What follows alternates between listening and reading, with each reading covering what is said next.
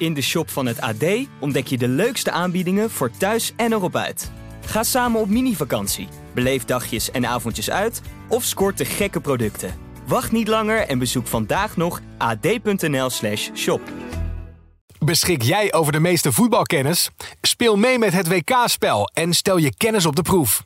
Daag je vrienden, familie of collega's uit in een vriendenleague en maak kans op geweldige prijzen. Ga naar ad of jouw regionale titel.nl/slash WK-spel. Dit is de AD Voetbal Podcast met Etienne Verhoef. Een klacht van Marokko over de arbitrage. Makkeli en de finale, tenminste gaat het nou wel of niet door. Rankovic voorlopig trainer van Utrecht. En Roda mag weer op zoek naar een nieuwe trainer.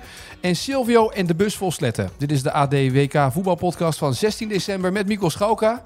Je kijkt toch een beetje angstig uit je ogen als die laatste zin uitspreekt, Mikkels, of niet? Ja, ik ben heel bang, heel bang wat er allemaal nog gaat komen. Je vuurt ze af, die vragen. Jij bent, nog, jij bent nog hartstikke fit, maar bij ons gaat het tellen natuurlijk oplopen. Ah, schijt. We, doen, we zitten toch samen in het schuitje? We zitten toch met z'n allen in het, in schuitje van elke dag podcast en video en dat soort dingen, of niet? Nou ja, jij zit ook wel laat op. Maar soms als je die wedstrijden, die zijn die natuurlijk twee uur later dan in Nederland. Ja. Dus die komt wel eens tussen, tussen drie en vier of nog later thuis hè, in een hotel. jullie waren- oplet, staan ze alweer... eh, Na Frankrijk-Marokko waren jullie vroeg... Ja, precies. Na Frankrijk-Marokko waren jullie laat terug, geloof ik, in het hotel, hè? Allemaal laat, ja. Maar goed, het hoort er een beetje bij. En eh, in de havens werken ze harder. Mhm. Dus het is, dus geen, eh, het is ook geen geklaag of zo. Maar je, langzaam ga je het een beetje voelen. Dat die, eh, en zeker op dagen dat er geen wedstrijden zijn. Dan, ja, dan, dan duurt die dag wat langer en zo. We hebben wel genoeg te doen. Het gekke hier is natuurlijk om half vijf. Als je een beetje laat wakker wordt. Om half vijf is het donker. Dus dan worden je dagen ook ontzettend kort. Ja, dat is Maar, waar. maar goed, weet niet of de mensen dat interesseert. Die willen natuurlijk vragen over het WK afgevuurd hebben en meningen. meningen nou, ja, meningen vooral. Maar ik was wel benieuwd, zeg maar. Marokko heeft nu bij de FIFA protest ingediend over de arbitrage in de halve finale tegen Frankrijk. Toen dacht ik, dat hadden wij ook kunnen doen als KVB zijnde, toch? Waarom, waarom Ja, doet nee, Marokko dat dit wel en de rest niet? Er zijn er meer die het doen, maar het is natuurlijk totaal zinloos. Want ja, eh, wat denk je dat de FIFA zegt? Oh ja, we spelen hem over. Of eh, één goal tellen we niet. Dus heeft natuurlijk verder heeft eh, helemaal geen zin. Ik weet niet precies waar ze over klaagden, maar dat zal die, die straf, dat strafschopmoment zijn geweest. waar Twee duidelijke eh, geel- strafschopmomenten. Twee duidelijke strafschopmomenten. Ja, ik vond zeker die met Buffal een heel vreemde actie van die, eh, van die Mexicaanse scheidsrechter. Want die Hernandez, die, ja, die, die maakte zelf de fout natuurlijk. Gleed weg, knalde vol op eh Buffal. Buffal kreeg daarvoor geel. Maar ik zag ook wel, eh, meestal kijk je dan een beetje rond hoe anderen daarover dachten. eh, dat het eh, 50-50 was. Hè? Sommigen vonden het de absolute strafschop, anderen vonden absoluut, niet, absoluut van niet. Maar geel voor Buffal was het sowieso niet. Nee. En volgens, volgens mij deed Hernandez het allemaal. Dus eh, dat is ook wel een apart verhaal natuurlijk. Hè? Die, zijn broertje begon natuurlijk in de basis. Die raakt geblesseerd. Dan komt hij erin. Hij gaat dan eh, misschien wel wereldkampioen worden. Maakt dan ook nog een belangrijke goal. Maar wat me vooral ook bij hem opvalt is dat, dat hij, eh, hij heeft een beetje dat hoge Duitsersgehalte van vroeger. Hè? Dus als je er maar naar kijkt, dat hij gillend en schreeuwend op het veld eh, ligt. En dat had hij ook bij deze actie. Misschien heeft het hem daar wel gered. Dat was je een beetje, dat was je een beetje kwijt, die spelers die, de- die het Lothar Matthäus-achtig eh, en, en, en Klinsman, noem ze allemaal maar op, hadden. Hè? Dat als ze maar eh, een klein duwtje kregen, dat gillen en krijsen. Maar hij heeft dat heel erg. Eh, je denkt voortdurend dat hij zwaar geblesseerd het veld, af, eh, het veld afgaat, maar dat is dus niet het geval. Zijn broertje wel. Ja, Lothar die kan natuurlijk, die kon natuurlijk omhoog vallen. Die had een gave dat hij, ook al werd hij niet geraakt, kon hij omhoog vallen. Ja, En dan vervolgens Ja. van de pijn neerkomen. Dat is ook een gave. dat klopt. Lothar is hier al net zo lang als ik. Die, eh, die is, die is eh, ook aangekomen. Ja, ik wil mezelf verder niet vergelijken met Lothar. Dus Nou. scheelt een paar WK's. Scheelt een paar WK's en zeker met voetbalschoenen aan. Maar ja, die, die analyseert er hier ook op los. Heeft mij altijd verbaasd dat een speler die zo ontzettend goed was als trainer, heel, het leek me ook geen domme jongen, als trainer helemaal niet aan de bak eh, kwam. Nee. En dat zie je wel meer. Gis- Gisteren zaten Stuart en ik in de bus terug. Want je moet van dat Albaitstadion is heel ver weg. En eh, dan moet je eerst met een bus naar het mediacenter. Dat is het makkelijkste, anders kom je niet weg bij die stadions. En dan moet je een taxi of, een, eh, of de metro pakken. Maar daar zat Stuart Pierce voor me in de bus. Mhm. Kennen we ook nog wel Ja. natuurlijk. Ja, dan zit je achter eens een beetje te googelen. Ik ben blij dat hij niet in het raampje op mijn scherm kon kijken. Want ik dacht, misschien zit daar voor freak achter me. Maar eh, ja, die zie je ook dat hij het als trainer wel geprobeerd heeft. Maar het is ook allemaal net niet, net niet gelukt. Ja, die komen dan in dat, in dat circuit van eh, meningen vormen. En daar worden steeds meer mensen voor gevraagd. En ik denk dat dat ontspannender is dan eh, trainer zijn sowieso. Het, het zal wel wat minder opleveren. Maar het heeft natuurlijk best een leuk leven. Die jongens komen hier ook gewoon... Ja, die hebben de hele dag niks te doen. Die komen dan rond een wedstrijd. En dan, eh, als ze wat roepen, wordt het door anderen voor hun eh, online gezet. Hè? Dus ze hoeven het zelf niet te twitteren. En dan de afloop even wat roepen. Ik heb wel het idee, als je wat langer gestopt bent, dat die jongens dat makkelijker vinden. Want als ze het eh, zeg maar doen terwijl ze net nog gespeeld hebben. Karim El Amadi bijvoorbeeld, die het Ja. wel he- echt heel goed doet. Maar ja, die moet nu ook gaan beoordelen, de jongens waar die mee speelden. En, en dat is best wel moeilijk, hè? want als je in een kleedkamer hebt gezeten, is het een beetje nat dan dat je nu zegt dat de speler daar eh, helemaal niks van bakt of er eigenlijk niet zoveel van kon. Dus dat, dat doen ze dan nog vaak wel een beetje met de mail in de mond. Maar eh ja, El Amadi is volgens mij wel echt een, een aanwinst voor dat. eh, Ja. Ik ben bang dat hij geen trainer wordt als hij dit doorzet. Want dan kan hij een van de beste analisten zijn die, die we worden, die we hebben. Maar het is wel bijzonder Nee, inderdaad dat iemand als Matthäus of Stuart Pearce proberen het allemaal, een glansrijke carrière gehad, maar toch niet geschikt als trainer. Weet je wat Van Basten ook had, hè? Als bondscoach Ja. en daarna als trainer van Ajax en AZ en Heerenveen, maar uiteindelijk toch ook niet. Nee, het is ook niet zo makkelijk natuurlijk. En, en er komt veel meer bij kijken. Maar je zou ook kunnen denken, ja, trainers, een trainerstaf is tegenwoordig zo groot. Dus als jij niet zo goed bent in, eh, ja, in het medische gedeelte, dat kan je natuurlijk allemaal opvangen. Je kunt alles om je heen verzamelen. Maar het gaat dan toch vaak nog om dat, dat overtuigende. En, en wat Van Basten vooral had, dat vond ik wel heel mooi en, eh, en kwetsbaar om te lezen toen. eh, dat hij zei van ja, ik kwam in de kleedkamer en dan vertelde ik wat, wat er anders zou moeten. Maar als ik dan de kleedkamer uitliep, dacht ik ja, wat heb ik nou eigenlijk gezegd? Wat heb ik ze nou eigenlijk kunnen meegeven om ze te helpen? Die vond het gewoon moeilijk om de juiste oplossing eh, te verzinnen. En dat hoef je natuurlijk niet te doen als hij bij eh, de, eh, Studio Sport of iets Nee. dergelijks aan tafel zit. Nee, dat klopt. En ja, en daar blijven de topnamen natuurlijk toch wel. eh, want je ziet in het voetbal, en, en daar ben je natuurlijk ook een voorstander van, dat je ook trainers hebt die niet zoveel hebben gepresteerd.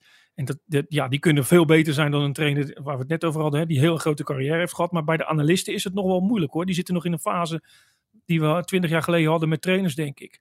Als je daar natuurlijk iemand van eh, eh, de linksback van Emmen neerzet, die er meer kijk op heeft dan eh Snijder, Van der Vaart, Van Bast, noem ze allemaal maar op Ja. dan werkt het niet. Mensen willen dan toch ja, autoriteit hebben of, of grote oudspelers. En daarom is Matthäus natuurlijk uitermate geschikt. Die komt hier binnenwandelen. Ja, die vraagt over welk WK willen jullie het hebben waar ik aan meedeed. Ja, en dan ben je natuurlijk al binnen. En hij heeft er ook nog één gewonnen. Hij heeft nog een finale verloren. Dus ja, en Ja, Stuart ja. Pearce, ja, kennen we allemaal van die strafschop die hij toen eh, miste. Die hij later op het EK nog wel miste. Dat weet ik omdat ik hem heb zitten googelen toen ik achter hem zat. Dat de mensen niet denken, hij heeft de carrière van Stuart Pearce volledig op. Maar ik zag iets van 84 interlands even uit mijn hoofd. Eh, in ieder geval in de 80. Ja, die mensen die willen ze hebben. En daar hebben ze geen Mikko Schauka of Maarten Wijfels of Sjoerd Mossou voor nodig. Die in de rust even vertellen wat er wel of niet goed ging. Nee, maar er zijn natuurlijk wel genoeg analisten die ook niks zeggen trouwens. Overigens, zat ik wel te denken, Ook. ze kunnen natuurlijk wel Lothar Matthäus bij... We, we hebben het nu even hè, als in de staf van een, van een selectie. Zet Matthäus in de staf van Oranje erbij op, weg naar, op weg naar het WK EK 2024. Kunnen ze in ieder geval allemaal omhoog vallen. Daar kan hij toch training in geven, toch? Ja, ja, ja, je doet zijn carrière wel een klein beetje tekort. Maar god, wat hadden we allemaal een hekel aan die man Nou. natuurlijk. Maar eh, ja, een, een, Duitse, een Duitse assistent, dat kan wel. Hè? Ajax heeft er volgens mij één. Maar ja, bij het Nederlands elftal is, is dat natuurlijk niet zo nodig. En je ziet Koeman zoekt meer een veldtrainer. Hè? Ja. Sipke Hulshoff is een veldtrainer. Dat vind ik ook wel interessant. Want Sipke Hulshoff, maar dat is weer een heel ander onderwerp, is natuurlijk helemaal vergroeid met het Arne Slot voetbal. Ja. Druk zetten, eh, ver naar voren. En ja, als je die als veldtrainer neemt, Ja, daar heeft hij al zijn oefeningen op. Ga je dan tegen hem zeggen, ja, we gaan, in, we gaan wel inzakken, eh Sipke. Dus we gaan die oefeningen waarop je druk probeert te zetten met je ploeg, die hoeven we allemaal niet te hebben. Dus het lijkt er wel op dat Koeman ook wel in zijn hoofd heeft eh, dat hij ver naar voren wil gaan spelen. Ja, dat wordt nu natuurlijk het afwachten. eh, Het moment dat hij dat, hij dat bekend gaat maken. Er is natuurlijk een roep om geweest dat, wat Van Gaal heeft gedaan. Dat we dat los moeten laten uit bepaalde hoeken. En ja, wat gaat Koeman daarmee doen? Gaat hij inderdaad vol op de aanval spelen? Of, of is hij realistisch en heeft, vindt hij dat, we, net als Van Gaal, dat we daar net niet genoeg kwaliteit voor hebben? leg maar eens één ding er anders dan over uit. Waarom zou Ronald Koeman een veldtrainer nodig hebben voor die vijf dagen dat hij met die groep is? Het is toch eh, uitlopen, twee dagen training geven en dan heb je die wedstrijd al ongeveer. Ja, maar je hebt natuurlijk toch patronen die, je die in wil slijpen. Je hebt straks ook de Nations League. eh, en je hebt gewoon ook mensen nodig die, eh, ja, die, die er op het veld staan. En, en Koeman is wel iemand die ook best veel doet er op het veld. Dus zo is het ook. En hij heeft meerdere assistenten. Maar eh, ja, op een gegeven moment heb je toch... De bondscoach is dan een stapje terug. Dat is de manager die observeert. En ja, je hebt mensen die die oefeningen uitzetten. Ja. en Hulshoff is daar, is daar een meester in, heb ik eh, begrepen. En, en bij Feyenoord is hij daar voortdurend mee bezig. Waar druk zetten, hoe druk zetten. Maar, maar alles op de, op naar voren geënt. Want bij Arne Slot hoef je, hoef je helemaal niet achteruit. Je moet vooruit. En dus daar zijn al die oefeningen ook voor uitgezet. Dus ik ben benieuwd of zij met die gedachte hebben, uh, Hulshoff hebben gehaald. Mhm. En dat lijkt me wel, want anders zou je, waarom zou je anders per se bij Hulshoff uitkomen? Ja. Het is toch niet zo dat je bondscoach wordt dat je dan denkt, ik heb nou getekend en nu alles op alles om, om Hulshoff binnen te halen, anders wordt het niks. Dus daar moet een gedachte achter zitten. Nou, interessant. Kunnen we de komende dagen wel eens, eh, de komende weken wel eens verder in gaan duiken als Koeman zo meteen aan de slag gaat. Ehm, even Ja. naar wat andere zaken dan. Want eh, eh, kan Danny Makkely Frankrijk-Argentinië fluiten? Nee, dat denk ik niet. Nee. Is dat, is dat dan toch omdat Nederland Argentinië zo uit de hand is gelopen dat de FIFA dan zegt: we gaan geen Nederlandse scheidsrechter daar neerzetten? Denk ik wel, ja. Ik kan een land, lang antwoord bij geven. maar Ik denk toch dat dat meespeelt. Ik denk dat ze, de, dat ze de- beste scheidsrechter willen hebben. Maar daar hebben ze natuurlijk een paar van. Maar dat ze vooral iemand willen hebben die eigenlijk eh, ja, zonder eh, ongeschonden aan die wedstrijd kan beginnen. Maar mag ik dat gek vinden? Want de En- scheidsrechter is toch een, een rechter die neutraal is en objectief is. Dus het maakt niet uit uit welk land je komt. Ja, maar dat, dat is wel zo. Maar eh, als je Feyenoord Ajax laat fluiten door een eh, scheidsrechter die in Hartje Amsterdam eh, woont, dan krijg je ook natuurlijk altijd de zweem van eh eromheen hangen dan, dat, het, dat er iets partijdigs is. Het maakt het bijna onmogelijk voor hem om te fluiten. En natuurlijk weet ik ook wel dat, dat Makkeli niet die wedstrijd ingaat om wraak te nemen op Argentinië. Dat is natuurlijk onzin. Maar zij willen dan toch, denk ik, daar eh, ver van weg blijven. Dus ik denk dat hem dat uiteindelijk, zonder dat hij er iets aan kan doen, dat dat hem de das eh, omdoet. Maar dat dan, is hij, vervelend voor hem. maar dan heeft hij weinig gefloten dit WK eigenlijk, toch? Voor iemand Ja. met zijn capaciteit. Want dan zit je daar zes weken intern en heb je twee wedstrijden Ja. gefloten of zo in de groepsfase ongeveer. Dat klopt. Er zijn er al twee meer volgens mij dan vier jaar geleden. Toen was hij er ook, was hij vooral VAR. Maar ja, het is allemaal zo beladen. En, en wat ook nog misschien meespeelt. ehm, hij heeft natuurlijk eh, Paris Saint-Germain Ja. uit de Champions League gekegeld in de ogen van die mensen. Eh, Paris Saint-Germain is Qatar. Eh, ja, hier wordt het gehouden. Eh, er is veel macht. Waarom zou, zou, hij die kans moeten krijgen? Zullen misschien mensen denken. Het zal hem ook een klein beetje in de weg zitten. En het is ook nog ja, de Qatar finale natuurlijk. Of althans Paris Saint-Germain finale. Messi tegen Mbappé. Dus, eh, maar daar wordt, daar wordt altijd naar gekeken volgens mij. En bij de FIFA ook. Als je maar even iets over een wedstrijd hebt gezegd. Of je vindt dat je het zelf goed hebt gedaan. Of ja, je bent te close met spelers. Daar houden ze niet van. Dus eh, ja, ik denk dat het voor hem uiteindelijk bij, eh, bij twee potjes blijft. En dat is, dat, is, dat is best wel zonde natuurlijk. Omdat hij er niks aan kan doen. Nee. En hij heeft ook verder wel goed gefloten. Even een rondje Nederland maken dan. Eh Rankovic, Ja. voorlopig de trainer bij FC Utrecht na de breuk met Henk Vrezer. Is dat logisch? Ja, je hebt niemand anders Nou misschien ja. voor handen, hè? Dat is ook een beetje het punt nu. Ja, dat is zo. En, en ze zullen heus wel verder kijken. Er zijn natuurlijk best wel veel trainers vrij. En nog wel goede namen ook. Hè. Denk alleen aan Danny Buis, dat soort, eh, dat soort jongens. Maar ja, dit is allemaal. Ik neem aan dat dit heel plotseling is gekomen als het de juiste reden is. Hè. Mhm. Eh, dus, dus ja, dan zullen ze niet, an- niet anders kunnen doen dan een trainer voor de groep houden. Eh, dus ja, dat lijkt me. Kunnen bijna niet anders, toch? Maar zou jij sterk zijn als ze, Jij noemt als nu ze nu Danny een ander hebben. Want Ja, dat kan. Ja. Nou ja. ja, Maar Danny Buis? Nou, waarom niet? Past volgens mij prima bij, eh bij FC Utrecht. Heeft bij Groningen goed gedaan. Ja, het ligt er een beetje aan wat ze zoeken. Maar eh, Danny Buis is prima eredivisie-trainer gebleken. En Utrecht, vast, volgens mij past dat ook best wel bij hem. Dus, Maar ja, is de naam groot genoeg voor Van Seumeren? Ja, ja. Nou, is Danny Buis een mindere naam dan Henk Vrezer. Op, op zich valt, is dat toch wel een beetje dezelfde categorie. Dus denk ik, hè. Ja, ik zou Dus bijna denken waar- dat ze Peter Bos gaan bellen of zo. Weet je, dat, dat in ieder geval de, die namen als eerste natuurlijk opkomen dan. Het moet iets groter zijn. Ja. Ik zag op een poll bij ons op de site dat hij eh, stijf, stijf bovenaan stond. Mhm. Maar ik heb altijd het idee dat Peter Bos wel heel graag in, in het buitenland werkt. En eh, als hij in Nederland werkt, volgens mij bij de absolute top.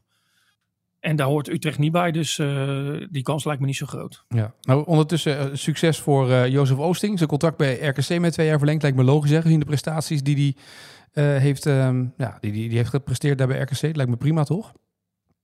Ja, vanuit de club wel. Van Ja. hemzelf zou je kunnen denken, ja, heeft je, heb je zelf het idee dat je dat vol kan houden? Of, of komt er straks ook een seizoen dat je... En dan had je misschien moeten denken, ja, een beetje cru gezegd, wegwezen hier. Ik heb het maximale er wel uitgehaald. Dat heeft hij blijkbaar niet. Eh, hij, heeft, hij heeft zelf waars- waarschijnlijk het idee dat er nog meer in zit. Nou, dat zou heel knap zijn als hij er met RKC nog meer uit weet te halen. Dus vanuit de club kan ik het prima begrijpen. Misschien had hij nog even moeten wachten eh, en denken, ja, nog een paar weken heel goed. Komt straks een leuke club op een iets hoger niveau vrij. Aan de andere kant eh, spreekt het ook wel, geeft het aan hoe die in elkaar zit als die de kans krijgt van RKC. En eh, ja, ze bieden hem een contract aan dat hij zich niet, eh, dat hij het niet als een springplank heeft gezien. Dus eh, ook wel netjes van hem. Ja. Ehm, nou is ook wel een opmerkelijke transfer gaande in de keukenkampioen-divisie met Jurgen Streppel. Die trainer is bij Ja. Rode JC tenminste. Maar die eigenlijk vanaf nou ja, zaterdag bij eh Helmond Sport aan de slag gaat als technisch directeur. Dat is Ja, ook wel een bijzonder club. Ja, Ja, Ik verbaas me ook. En vol- volgens mij waren ze bij Roda ook verbijsterd dat dit gebeurde. Maar ja, het is ook naar Helmond Sport. Het is, eh, het is toch ook niet zo dat daar een gespreid bedje is dat je denkt, nou, die, die, daar rammen we mee naar de Eredivisie. En daar zit ik de komende jaren goed. Of hij moet meer weten dan wij. En nou ja, dat het die oude club is, is, eh, is, is prima. Maar ik heb veel interviews van hem gezien. Ik vond hem eigenlijk altijd wel enthousiast eh, de, de laatste maanden over Roda en het proces waar ze in zaten. En dan kan je toch wel zien dat, dat het ook vaak een beetje gelul voor de bühne is. Ja, want het, proces, het proces en we kunnen verder en we gaan groeien. En dan, staat er een andere club met een andere functie. Dat is goed recht natuurlijk, hè.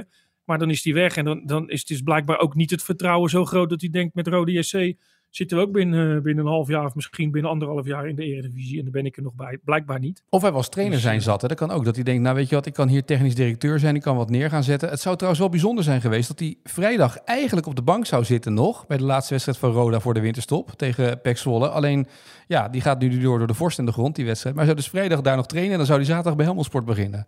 Dat zou toch ook Ja, raar zijn? dat- Ja, dat zou ik als club ook nooit. eh, ik zou zeggen, nou ja, de, bedankt en de groeten. Dat, doe- dat doe je natuurlijk. Hij is vrij om te gaan, maar je bent Ja. als club dan natuurlijk ook vrij om te zeggen, ja, hier, eh, hier hebben wij zelf ook geen trek meer in. Maar ja, technisch directeurschap leuker dan trainer. eh, Dat, dat ligt er een beetje aan als je een heel langdurig contract krijgt. Maar ik krijg het idee, ja, bij, wat moet je als technisch directeur? Ja, je moet heel veel doen bij Helmond Sport, maar je kunt natuurlijk niet zo heel veel doen als Nee. technisch directeur. Nou, denk dat is jij ambitie, natuurlijk, ja, ambitie, dus hè? ambitie bij Helmond Sport. Want daar, daar gebeurt van alles. Hè? Daar komt Tom Beugelsdijk binnen. Daar speelt Robin van der Meer.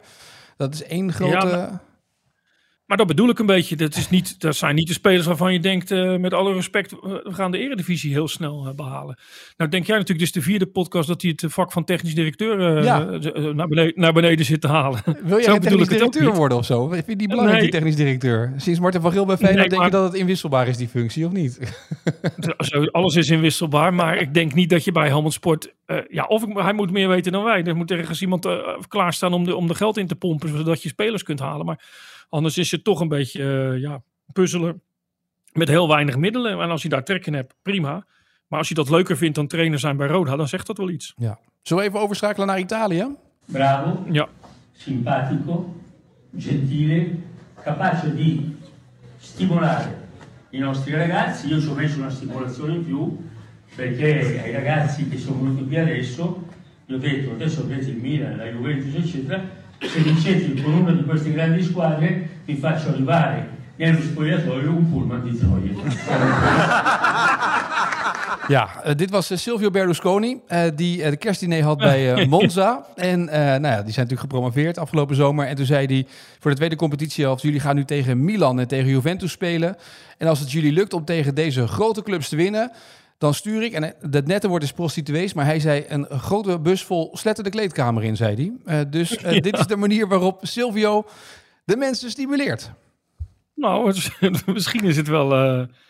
ja, misschien is het wel wat die, wat die jongens nodig hadden. Ja, het hangt een beetje aan Silvio, hè? De prostitutie. Nou, en- Boe- en- Bunga en- Bunga Bunga parties was hij goed in natuurlijk, hè? Ja, ja. Ja, goed. Ja. het, is natuurlijk, het is ook met een knipoog bedoeld. Maar ik denk wel, als- het nu lukt, die twee overwinningen, dat er toch ook wel mensen zijn die zeggen, ja, waar blijft die bus? Nou, dat wordt natuurlijk wel Dus, een verhaal. eh, Als ze één keer winnen van Juventus en Milan, dan moet, dan moet toch een, een cameraploeg nu gaan zeggen, joh, waar blijven ze? Maar het is gelijk allemaal gedoe, hè? Want eh, senatoren die zeggen gelijk, ja, een grap met slechte smaak die, is, die sprakeloos maakt. En het is vrouwonvriendelijke taal van Berlusconi. Dus hij weet in ieder geval wel wat hij weer zegt en hoe hij weer de aandacht krijgt. Want dat zal toch wel een beetje waar, zijn waarop hij het gedaan heeft, toch? Ja, maar ik moet ook wel zeggen, het, het zijn natuurlijk opmerkingen die je uiteindelijk beter niet kunt maken omdat je de reacties kent. Maar het is, ja, mensen vallen ook wel echt overal over tegenwoordig natuurlijk. Dus als dit ook met een beetje met een knipoog is gezegd, ja, een, een bus met, ja, ik, ik hoop niet dat ik meteen in de cancelcultuur zit, maar je moet mensen ook af en toe wel eens wat la- kunnen laten zeggen met een knipoog. Dit, dit is natuurlijk vooral bedoeld als een grap. eh, Nou ja, dat hoop je maar natuurlijk. die uiteindelijk, die uiteindelijk waarschijnlijk wa- werkelijkheid wordt. Maar eh, ja, jeetje, als je mensen een microfoon onder hun neus duwt, wil je dat ze wat zeggen. En als ze dan vervolgens wat gezegd hebben, dan gaan we allemaal roepen dat die nooit mogen zeggen. Dus daar moeten we ook een klein beetje van af. Hij heeft volgens mij niemand van incest beschuldigd of van, eh, van eh, fout zijn in de oorlog of dat, dat soort dingen. Dus eh, laat Silvio ook eh, een klein beetje uit, uit, de- uit de bocht vliegen. De vraag van vandaag. Ja, de vraag van vandaag. Eh, ik weet niet of je al overleg hebt gehad met de collega Massou of dat je geluisterd hebt, maar die heeft een mooie vraag voor je neergelegd, hè? Ik heb niet overlegd. Nee? Nou, oké. Hij had het over het WK 2010. Hij noemde Slovenië, maar we speelden daarin tegen Slowakije. Eh, hij zegt dat is zo'n vergeten Ja. wedstrijd van het Nederlands elftal. En eh, de vraag van hem was: wie scoorde er eh, voor Nederland en waar werd die wedstrijd gespeeld? Ik weet ze allebei niet. Nee?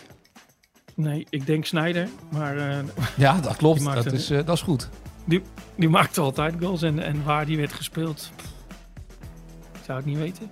Nee? Nee. Het werd uiteindelijk 2-1 voor Nederland tegen Slowakije. Wesley Sneijder scoorde en ook Arjen Robben scoorde. En eh, in de blessuretijd een strafschop van de Slowaken. 2-1 werd het toen. En die wedstrijd werd gespeeld in Durban. Nou, dat was me ontgaan. Maar hij is bij dat WK geweest. En Ja. eh, ik, de- ik deed toen nog amateurvoetbal. Dus eh, nee. Ja, nee, snap ik. Maar ik moet wel even zeggen, Hessel Bootsma, eh, Jeroen, eh, maar ook Richard Lynch, van harte gefeliciteerd. Want jullie hadden het goede antwoord. Er werd druk getwitterd over deze vraag met de hashtag AD Voetbalpodcast om het antwoord te geven. Maar ja, je kan hem nu terugpakken, die Mossou, hè? Dus eh, hij staat te wachten op je, want Ja. jullie moeten zo meteen nog weg. Maar nog even een vraag erin gooien natuurlijk. Ja, ik heb een moeilijke, omdat ehm, ik, ik vroeg me dat af en ik heb zelf het antwoord niet. Maar ik vroeg me dus af. We hadden bijna een WK-finale met spelers die allemaal in Nederland, of allemaal een aantal die in Nederland zijn geboren, maar die niet voor Nederland spelen. Zijn er eerder op het WK spelers geweest die wel in Nederland zijn geboren, maar die niet voor Nederland hebben, hebben gespeeld, vroeg ik mij af.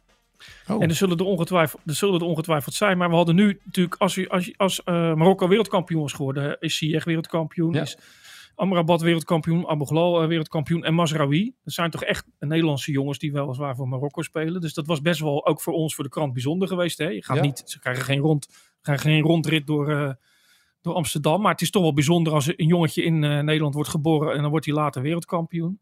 Ja, ik weet dat, volgens mij was het Reiner Bonhoff die, die bijna op de Nederlandse grens woonde. En die werd eh, wereldkampioen in 74. Maar dat was volgens mij Emmerich. En Emmerich is nog wel eh Duits grondgebied. Maar er zullen er ongetwijfeld een paar zijn. Dus ik ben benieuwd of de luisteraars ons eh, kunnen helpen. En anders heeft het orakel Sjoerd Mossoud het wel Ja, het. Orakel uit Breda, die, die heeft morgen een mooie Ja. klus.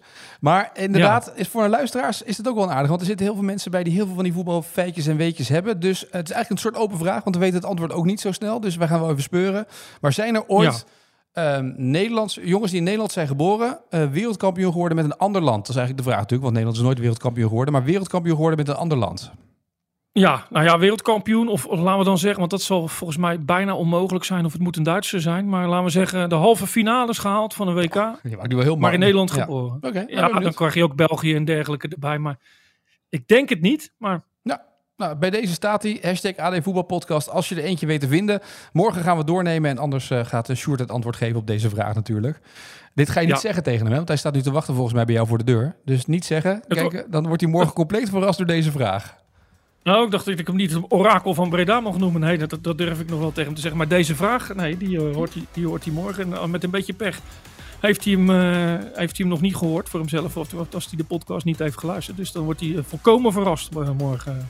Uitermate benieuwd. Heel goed. Uh, Mikos, dankjewel. Ik spreek je over twee dagen weer in een nieuwe podcast. Hè? Oké, graag gedaan. Hoi hoi. In de shop van het AD ontdek je de leukste aanbiedingen voor thuis en erop uit. Ga samen op mini-vakantie, beleef dagjes en avondjes uit of scoort de gekke producten. Wacht niet langer en bezoek vandaag nog ad.nl/shop.